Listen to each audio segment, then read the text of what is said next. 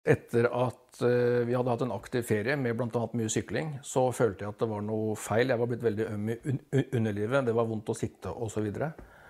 uh, så jeg valgte å dra til fastlegen. I dag skal det handle om en sykdom som rammer menn, og som kanskje ikke er så lett å snakke om. Men det er det ganske viktig at vi gjør. Uh, og det tror jeg Tor, som dere hørte i klippet her, er enig i. Det er viktig å vite om symptomene som denne sykdommen kan gi. Med oss så har vi som vanlig Name Seid og hans bror Hallo. Wasim Seid. To leger. Kardiolog er Wasim, og Name er kirurg. Jeg heter Elisabeth Lofthus og er eh, sykepleier og redaktør på lommelegen.no. Um, I dag så skal vi også snakke om uh, hjerteflimmer. Det er jo uh, et aktuelt tema. Eh, vår kjære Ole Einar Bjørndalen legger opp og forteller om at han det siste året har eh, hatt denne sykdommen. Wasim, som er kardiolog, mm. kan fortelle mer om dette. vi skal også snakke om bihuler, som er et organ som kan skape litt problemer. Enten på kort sikt eller over litt lengre tid. Men først Tilbake til Thor. La oss høre hans historie. I 2006, etter at uh, vi hadde hatt en aktiv ferie med bl.a. mye sykling, så følte jeg at det var noe feil. Jeg var blitt veldig øm i underlivet. Det var vondt å sitte osv. Så, videre. uh, så jeg valgte å dra til fastlegen. Og han uh, tok noen blodprøver. Han kjente i endetarmen for å kjenne om han kjente et eller annet. Han nevnte at det kanskje kunne være prostatitt, i og med at jeg hadde syklet mye. Så jeg fikk en penicillinkur. Eh, tre uker senere så hadde jeg oppfølgingstime hos eh, fastlegen. Han tok en ny blodprøve og kunne på den konstatere at eh, verdiene på den var det samme som tidligere. Så han sendte meg da til utredning på Ullevål sykehus, ta biopsitest. Dette utførte de to ganger uten at de fant noe. Og da ble jeg sikkert erklært frisk. For jeg eh, hadde ikke noen symptomer på noe som helst annet. Og falt ut av hele systemet. Så forsvant dette ømheten i skrittet. Det forsvant sånn litt etter hvert. Og etter en, etter en periode så, så var det borte. Syv år senere så hadde jeg et uhell med noen sener og, og sånn i armen som forsvant opp og måtte opereres. Jeg valgte å ta stingene på det operasjonen på, hos fastlegen. Og han spurte hvordan det gikk, om jeg hadde noen symptomer på et eller annet. Eller, og det svarte jeg nei til. Jeg har ikke noe problem med noen ting. Men som han sa, vi tar en blodprøve likevel. Og det gjorde han. Og etter den blodprøven så valgte han å sende meg videre til ny biopsiutredning. Ja, øh, hva hørte vi her? Vi hørte jo en øh, mann. Eh, virker han er som rundt 50, mellom 50 og 60 år, kanskje. Eh, forteller eh, en historie om noe som for noen år siden skjedde med underlivet smerter. Og eh, man mistenkte først en betennelse i prostataen, som er en kjertel som eh, ligger i underlivet til menn. Og så eh, mistenkte man vel også at det kunne være noe mer, kanskje en prostatakreft. Og han ble sendt på sykehus for å ta biopsi, eller det som heter vevsprøve. da. Eh, men den vevsprøven den eh, viste ikke noe galt. Det kan bety to ting. Enten at det ikke er noe galt, eller at man ikke har eh, truffet uh, den svulsten man ønsker å undersøke, hvis det er en svulst. Uh, og så snakker han hele tiden om en, en blodprøve som uh, viser noe om, om prostataen hans. Da. Og da snakker vel han om den som heter PSA, som står for prostataspesifikt antigen. Ja. og det er, en, si det er en test som brukes kanskje for å diagnostisere eller, eller følge utviklingen av en, en prostatakreft da, eller en sykdom i prostata. Det er mye man kan si om den prøven, og det kommer vi sikkert tilbake til. Uh, og, uh, men det var i hvert fall det som ble inngangen til at han senere havnet på et annet sykehus og, Og, og så virker det som at han fikk diagnosen der, da. Jeg syns dette er en veldig spesiell, eller veldig spe eh, interessant historie. Mm. For den uh, illustrerer veldig mange ting på en gang. Mm. Det første er at, uh, at det går liksom ti år omtrent. Ni år mellom første episode og andre gangen hvor de finner noe mer. Mm. Han uh, har da første gang vært på en lang sykkeltur Mm. og hatt hatt en prostatitt. Da. Det, det kan man jo få. Disse smale herresykkelsetene. Mm. De er jo eh, de- er jo ikke noe gode å sitte på. De kan sitte og presse på prostataen og strukturene rundt, og det, det er ikke noe uvanlig, altså. Og at han da i etterkant uh, har hatt uh, smerter, det er også forståelig. Uh, og så har man tatt eh, Så har legen gjort det helt riktig og kjent i endetarmen, kjent prostataen for å se om det er noe galt, om det er noe man, man kjenner noe ruhet, noe ømhet, og, og tatt denne prøven. Hvis man har en prostatitt, hvis prostataen er eh, betent, irritert pga. Eh, mekanisk trykk, så vil jo PSA, denne prøven, den, den vil naturlig nok Mm. stige. Mm. Så i, eh, i en sånn akutt fase så, så sier den ikke så veldig mye. Men han tok en kontroll til Han, Dreker, gjorde, han tok en kontroll, Mm. ikke sant. Og så gikk han til, til eh, biopsitagen, vevsprøve, og det Mm. gjør man gjerne med ultralyd, eller Mm. MR, som regel med ultralyd. Mm. Eh, og, da, og da tar man flere biopsier. Og så er det slik at eh, selv om man tar flere biopsier, og han gjorde det i to omganger, Mm. så kan man jo bomme på små svulster. Mm. Mm. Eller at det ikke er noe der. Mm. Ti år er ganske lang tid. Mm. Men på den andre siden så kan prostatakreft, hvis hvis det er en liten svulst der, så, så er det en sykdom som voks, kan vokse veldig tregt og ikke Mm. gi noe som helst symptomer. Mm. Slik at når man kommer tilbake ti år senere, Mm. eh, så, har, så, har det, så har den kanskje vokst litt, slik at man kan se den på MR og eventuelt eh, få tatt biopsier av. Men her tenker jeg det er, det er eh, Jeg er helt enig, veldig interessant dette her egentlig. Uh, her jeg ser litt forskjellige muligheter. da Det kan hende at uh, første gangen, som var for uh, syv år siden eller ni år siden, eller hva det var, da de vevsprøvene på det ene sykehuset ikke viste noe, så kan det hende at han egentlig ikke hadde noe Ja. ja. svulst i det hele tatt engang. At, at PSA-en var for høyt pga. En syklingen. betennelse. En, eh, ja. Og eh, at eh, når man da eh, mange år senere, eh, så Nå får vi høre etterpå, da. Hvis man da har funnet noe, eh, så kan det hende at det i mellomtiden at den sykdommen har eh, oppstått. Ehm, så det, det er jo Men det er jo umulig å vite sånn i ettertid. Da. Mm. Mm. Men hvis vi går tilbake igjen og bare eh, ser på det symptomet med å ha vondt i underlivet eh, Mm. hos menn, eh, så, så, og, og se bort fra prøver og sånn, kan, hvilke sykdommer og tilstander kan det være et symptom på? Vondt i underlivet er jo egentlig ikke et vanlig symptom hos menn. Det er jo eh, kvinner som har det oftere pga. f.eks. en blærekatarr eller eh, infeksjon i underlivet. Eh, kvinner er jo naturlig nok mer utsatt for sånn pga. anatomien. Eh, det er kortere vei eh, inn til urinblæra f.eks. Det er mer åpent inn til eh, indre kjønnsorganer hos kvinner enn hos menn. Eh, så mens får jo ikke de symptomene så ofte. Og hvis de får det, så er det jo da ikke sant, det er betennelser. F.eks. en betennelse i prostata. Det kan også være en betennelse i urinblæra, altså en blærekatarr. Det er veldig sjelden hos menn, men det kan være. Det kan være kjønnssykdom. Eh, kan være noe smerter eller betennelse i testiklene. Eh, så Det kan, være, det kan være noe i endetarmen. Endetarmen, ja. Det kan Mm. være en hudlidelse, det Mm. kan være et eller annet med penis. Mm. eh, Det er veldig mange ting som inngår i underlivet. Det er sant. Uh, så det er vel, det er vel liksom de vanlige tingene. Man må Mm. uh, liksom gå inn på symptomene. Hva er det pasienten legger i ordet Mm. underlivet? ikke sant? Uh, er det noe utslett? Er det noe hudforandring? Er det noe man kan kjenne? Kan man sende en kul? Etc. Så man må jo gjøre en undersøkelse, Mm. og, og eventuelt bildediagnostikk for å komme CT-undersøkelse, MR, for å se hva det kan være som Mm. gir Uh, Det er et veldig viktig poeng. Man må det der med å få en god beskrivelse av Ja. hva pasienten legger i symptomene sine. Eh, hvis le pasienten kommer og sier at de har vondt i underlivet, så er ikke det nok. Ja, I viste, ikke sant? Viste forstand så kan jo det være fra navlen til knærne omtrent. Ja, ikke ikke sant? Hva, hvor er det du har vondt? Ja, du må ha et godt intervju. Det Ja. er veldig viktig. Ja. Mm. Men nå er det jo sånn, nå var jo Thor Han gikk jo til lege eh, og snakka med han, men eh, det er jo sånn Jeg tror i hvert fall det er sånn at ganske mange menn vil eh, kvie seg litt for å gå til lege for å snakke om, om ting som handler om eh, underlivet. Mm. Er det riktig?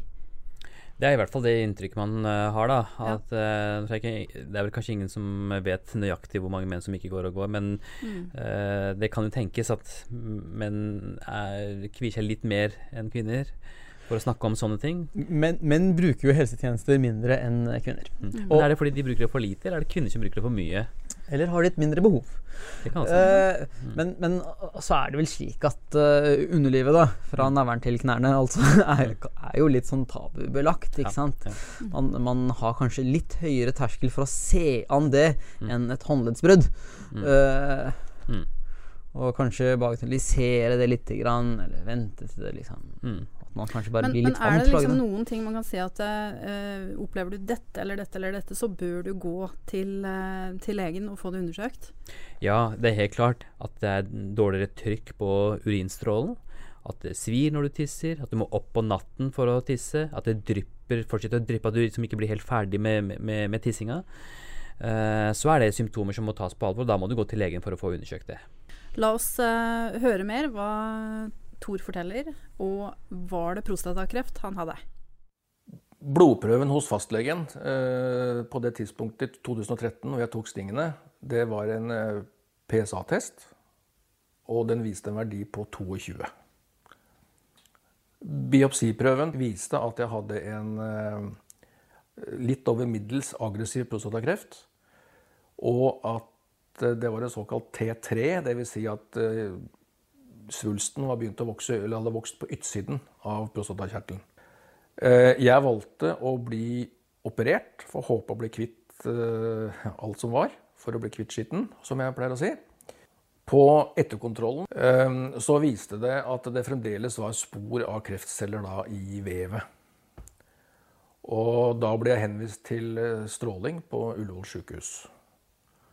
Hvor det ble foretatt 35 strålinger. Før operasjonen så var vi i samtale med en eh, jeg kaller en uroterapeut, en uroterapeut. Som fortalte da hva som skulle skje osv., og, så videre, og hvordan man eventuelt kunne forhindre ereksjonsproblemer etter en operasjon. Eh, det var bl.a. å trene veldig mye da, for å få dette vevet altså, så det skulle fungere. Eh, så mellom operasjon og stråling så prøvde man jo å holde dette i gang. Eh, stråling gjør ikke noe mindre. Eh, altså, du får ikke noe mindre bivirkninger på den biten etter stråling. Så ereksjonsproblemet fikk man jo, men jeg har vært heldig allikevel sånn i dag. At det fungerer sånn innimellom. Hjelp av noen blå piller og sånn, men det er greit nok. Bortsett fra ereksjonsproblemene, har det vært noen andre problemer mm. som følge av strålingen? Mm. Det dukket jo opp etter stråling eh, litt problemer også med tarmer. Tarmer som ikke spiller helt på lag. Man har jo noe som heter urge, dvs. Si at du har fra du må på toalettet til det skjer, går kanskje 8-10 sekunder. Den er ikke morsom. Vi mannfolk er jo litt sånn at uh, vi går helst ikke til fastlegen hvis vi ikke må. Så etter to år så tok jeg mot til meg og så gikk jeg til fastlegen og så sa jeg det at du, jeg har et problem. Jeg gjør i buksa innimellom. Og etter det har jeg fått et helt nytt liv sånn i ettertid er det, altså sånn, Har legene kunnet fastsatt at du hadde kreft allerede i 2007? Når, når legene fortalte meg PSA-verdien på 22, og at jeg hadde kreft eh, som var kommet såpass langt, så begynte jeg å grave litt i gamle journaler. Og fant ut at eh, i 2006 så hadde jeg faktisk en PSA-verdi på 8 og 10. Så det kan være at det var noe eh, kreftceller allerede da. Eh, I og med at jeg ikke hadde symptomer på noen ting, eh, så gikk jeg selvfølgelig heller ikke til legen for å ta noen prøver eller noe, noe som helst. I 2006 så var jeg 47 år og begynte da å krangle med dette. I 2013 så var jeg 53. Hadde det vært et program for oppfølging, eh, noe à la det damene har på bryster. En form for screening. At man blir kalt inn, tar blodprøver regelmessig, egentlig ikke behøver å tenke så mye selv. Så hadde det vært fanget opp på et tidligere tidspunkt.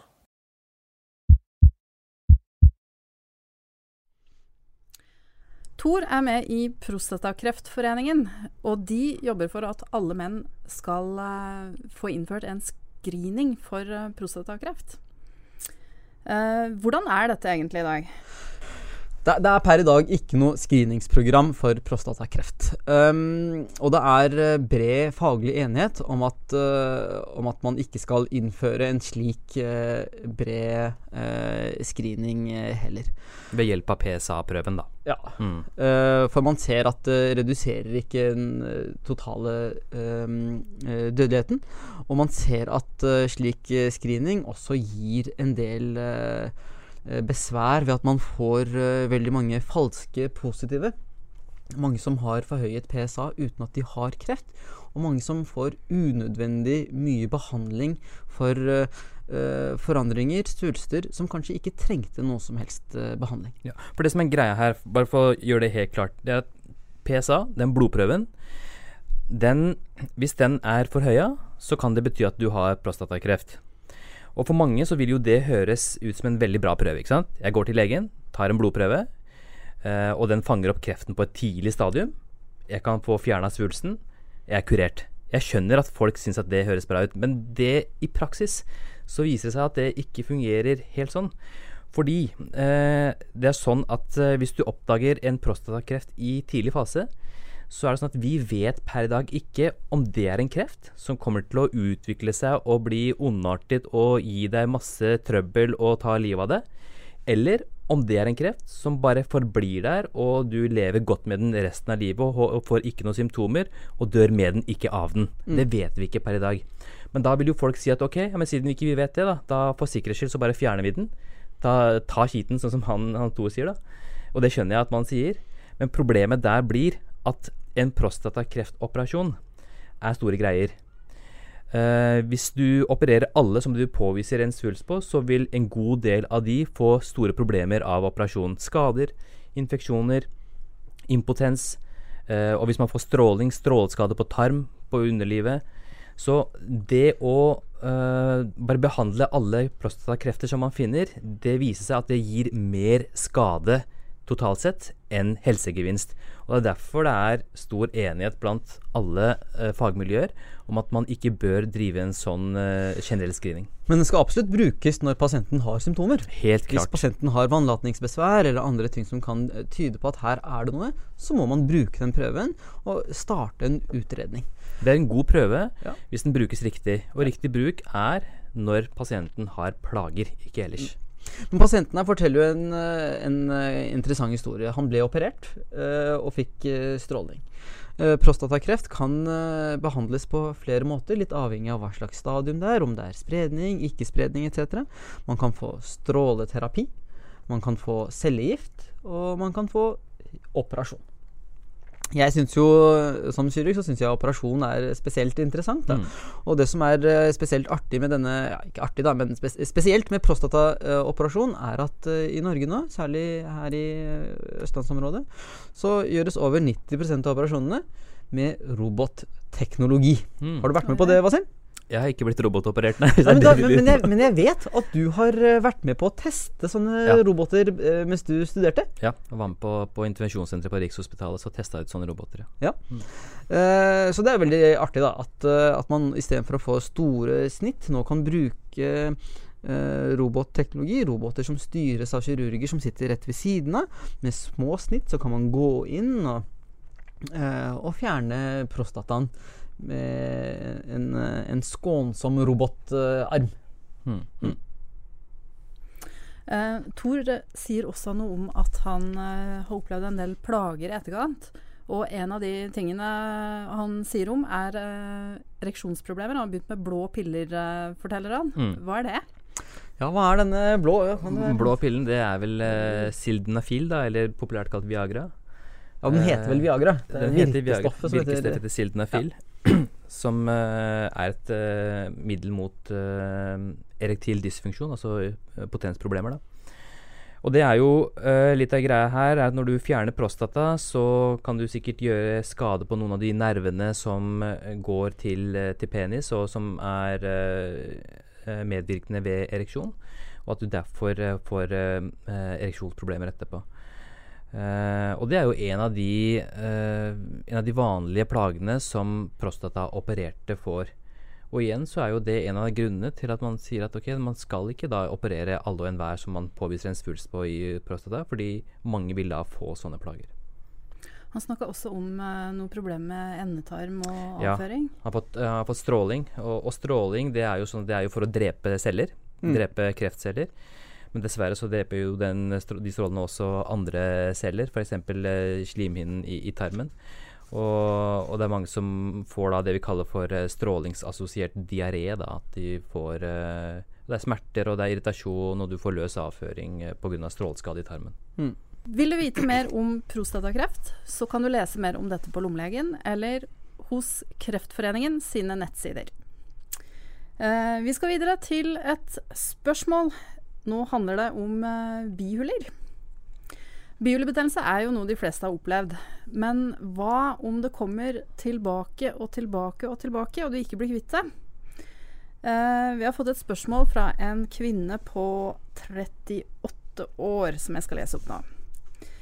Det siste året har jeg hatt bihulebetennelse så mange ganger at jeg nesten har mistet tellingen. Nesten kon nesen er konstant tett, eller jeg er snørrete. Jeg har ofte vondt i bihulene, og jeg syns at mat smaker ingenting. Luktesansen har det siste året forsvunnet helt. Jeg har vært mye til lege, mange uker sy sykemeldt, og jeg har også gått på gjentatte antibiotikakurer. Det ser bare ut til å være en kortvarig hjelp, fordi plagene kommer tilbake. Fins det noe hjelp for dette? Jeg har hørt om bihuloperasjon, men er det noe å anbefale? Altså Bihuler det er jo hulrom som fins i ansiktsskjelettet, eller i, i, i skallen. da. ehm, og, og og der er det sånn at der eh, produseres det væske, og det blir kylt ut eh, via nesen og inn i svelget og sånt. slik at vanligvis så er disse hulrommene tomme eller luftfylte. Eh, når du har en eh, forkjølelse, så er det sånn at disse utførselsgangene fra, fra bihulene, de som skal drenere dem, de blir tette. Og da blir det stående igjen eh, væske og slim og sånt inni de. Uh, og, og da blir det betennelse. Og det er veldig vondt. Uh, man kan få vondt bak et øye, eller i panna, eller i kinnene. Mange forveksler det med tannpine fordi det er så utrolig vondt. Uh, men det er en, en betennelse i disse bihulene, da. Og som regel så er jo det pga. virus. Uh, og, og behandlingen er derfor uh, uh, at man tar smertestillende, febernedsettende hvis man har det. Bruker nesespray for å avsvelle slimhinnene, slik at dreneringsrørene åpnes igjen og, og bihullene kan få tømt seg. Så det er den vanlige behandlingen. Før så var det sånn at man tydde til antibiotika for å behandle bihulebetennelse. Det har vist seg å ikke være spesielt smart. Eh, for det er egentlig ikke bakterier der som trenger å, trengs å drepes. Og du blir ikke noe bedre av å ta penicillin for en akutt bihulebetennelse, i hvert fall. Men, eh, men her har jo hun et kronisk problem, da. Her, hun får det igjen og igjen og igjen. Og da er det noe mer, tenker jeg. Og det er helt riktig som hun sier, man kan jo faktisk opereres for dette. Mm. Eh, disse utførselskanalene som du nevner, hvis de er eh, tette og forsnevrede, Mm. eh, så kan man faktisk eh, drille dem opp. Mm. eh, og, og gjøre dem litt videre, litt større, slik at væsken renner ut lettere. Og det vil da være til god hjelp for, eh, for en gruppe som har kroniske eller gjentagende plager. Men hun forteller jo om at det her problemet kommer tilbake og tilbake, og at hun har vært mye syk siste året pga. Mm. det her.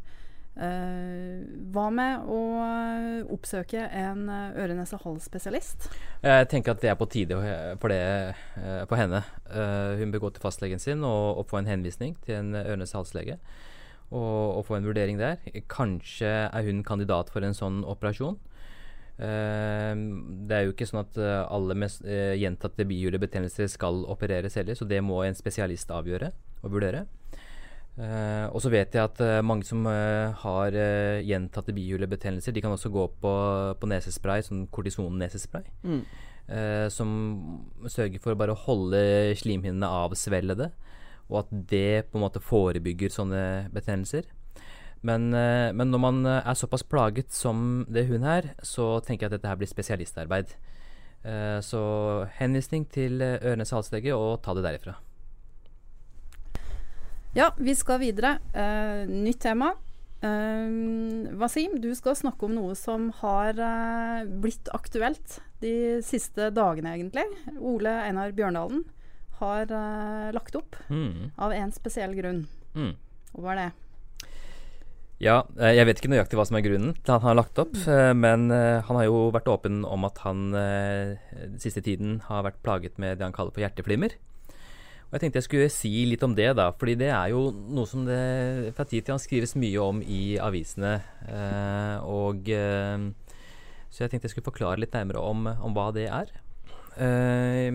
Hjerteflimmer er egentlig et litt upresist uttrykk. Det heter egentlig atrieflimmer, eller forkammerflimmer. For å ta det litt fra starten av. eh, Den eh, hjerterytmen som du har eh, til vanlig, altså den vanlige, rolige hvilepulsen din, det er noe som heter sinusrytme. Uh, og det fordi, og det heter den fordi den har sitt opphav i et område som heter sinusknuten, helt øverst i hjertet. Der oppstår et elektrisk signal, som så sprer seg til forkamrene og får dem til å trekke seg sammen. Og så går det signalet videre til hovedkamrene og får dem til å trekke sammen og pumpe ut blod fra hjertet. Det er det normale. Det skjer ved hvert eneste hjerteslag, omtrent én gang hvert sekund.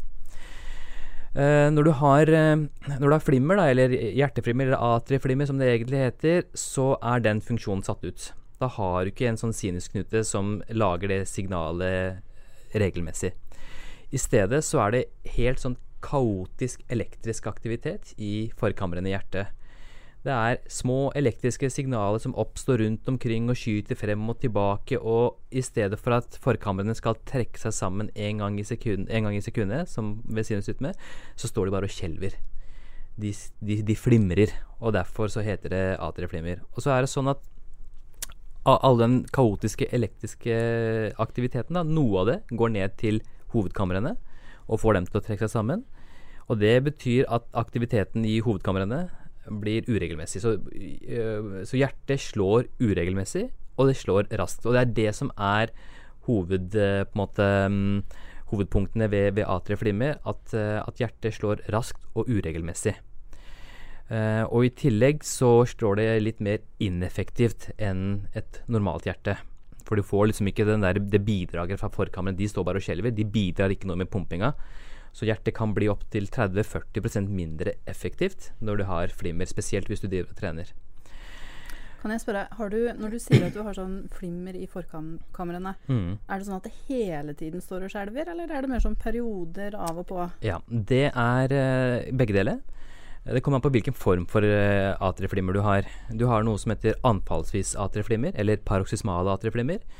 Det er definert ved at du kun har det innimellom, sånn som han Bjørndalen har sagt at han har. da, Han får det bare innimellom. Og da kan det være ulike ting som utløser det. F.eks. en hard treningsøkt kan du utløse det. Hvis du er dehydrert, så kan du utløse det. Hvis du har en lungebetennelse, så kan du få det. Eller ingenting. Eh, helt tilfeldig. Men poenget er i hvert fall da har du det bare innimellom. Og så har du det ikke i store eh, deler av tiden. Og så har du det som heter eh, kroniske atrieflimmer. Og, og de har det hele tiden. Eh, og da står forkamrene og skjelver egentlig hele tiden.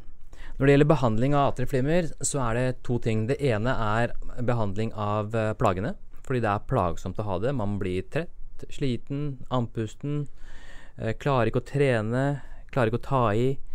Så det gjelder å behandle slik at du får mindre plager. Og det andre, det går på forebygging av hjerneslag. For det som er noe av problemet med uh, atrieflimmer, er at det øker risikoen for å få hjerneslag. Du får dannet små blodpropper i hjertet pga. flimringa, og så kan de følge blodbanen opp til hjernen og tette igjen en blodåre og gi deg hjerneslag. Så det er de to sporene man følger i behandlingen, da. Eh, og for, for å ta det første, eh, symptomene, behandle symptomene, det ubehaget, så er jo det å, å bremse ned på hjertet. Få til å banke roligere hvis du har flimmer. Eller sørge for at du går på medisiner som, eh, som, som gjør at du ikke får flimmeranfallene dine. Eh, og når det gjelder andre, det å forebygge slag, så er det å gå på blodfortynnende behandling, slik at disse blodproppene ikke danner seg. Blodet er såpass tynt at det ikke danner seg noen blodpropper, og du får ikke da dette hjerneslaget. Og så finnes det mange nyanser og grader i dette her som jeg ikke skal gå inn på nå. Det kan man eh, lese mer om på forskjellige nettsider. Eh, men, eh, men det er en sykdom som, er, eh, som rammer mange, og spesielt i den eldre delen av befolkningen. Man mener at kanskje opp så mange som eh, 15% av folk over 80 år har atrieflimmer. Men stemmer det ikke, Wasim, at man også kan Mange av de som har vedvarende atrieflimmer, at man kan snu dem over igjen i en sånn sinusrytme, som de sier, ved å bruke eh, elektrosjokk på hjertet? Det, det kan man gjøre. De som uh, f.eks. har eh, eh, lange anfall med atrieflimmer som ikke går over av seg selv, da. uh, de må da inn på sykehus og, og få, få det til å gå over. Og Da kan man f.eks. gi dem en lett narkose og gi et sånt uh, elektrosjokk gjennom eh, brystet. For det vil på en måte nulle ut hjertet og få det til å slå normalt igjen. Det finnes også medisiner man kan gi for å få et flimmeranfall til å gå over. Og så er det de f.eks. de som eh, har anfall veldig ofte og, og plages veldig av det, og medisinene på en måte holder ikke flimmeren i sjakk. De kan også få såkalt ablasjon, hvor man uh, går inn i hjertet og, og brenner av inni hjertet på spesielle områder, som gjør at man ikke da får uh, flere anfall med flimmer. Hvordan er det i forhold til uh, toppidrettsfolk og, og denne type flimmer? Er det noen sammenheng med ha, hard og langvarig trening og atrieflimmer? Ja, det er jo øh, sånn at øh, de som driver med toppidrett, og spesielt de som driver med kondisjonsidrett, da, hvor det er på en måte mye bruk av hjertet øh, Når du trener hardt og lenge, så pumper jo hjertet mye blod, og de forskjellige kamrene settes på en prøve. De strekkes, og de trekker seg sammen. Eh, og gjør man sånn i flere tiår, så vil det jo etter hvert danne seg litt sånn arrvev i forkamrene, og fibrose som det heter, og, og det kan disponere for, eh, for hjerteflimmer. Når det gjelder trening, så er det jo ikke sånn at eh, jo mer du trener, jo bedre er det. Vil si det er det til et visst punkt. Men hvis du trener veldig mye, som f.eks. toppidrettsutøvere gjør, så har du liksom ikke noe, noe, noe helsegevinst av det lenger. Uh, for folk flest trenger ikke å trene så hardt. Nå snakker vi om uh, forkammerflimmer, altså disse Mm. atriene, at de driver og skjelver. Men man kan vel også ha flimmer i hovedkamrene? Men det er en langt farligere tilstand. Ja, det er det samme som hjertestans. Uh, så det er derfor jeg er litt opptatt av å eh, ikke kalle det hjerteflimmer. Fordi det er ikke sånn at uh, ved atrieflimmer at hele hjertet står og flimrer. Det er bare forkamrene. Hovedkamrene de banker på sin vanlige måte. Hvis man har uh, flimring i hovedkamrene, det som heter ventrikkelflimmer, uh, så er det en Det er det samme som hjertestans. Da må du ha gjenoppliving, ellers så dør du. Vi er tilbake neste uke med en ny episode. Ny pasienthistorie og mulighet for å lære mer om helse, sykdom og medisin. Har du et tips til oss hva vi bør eh, snakke om i denne serien, så kan du sende en melding til eh, Lommelegen på Facebook. Eller du kan sende meg en mail på elisabeth at lommelegen.no. Hvis du hørte denne episoden på YouTube, så må du gjerne abonnere. Så får du med deg nye episoder. I denne episoden hørte du brødrene Saeed. Produsent var Marie Røsland, og jeg heter Elisabeth Lofthus.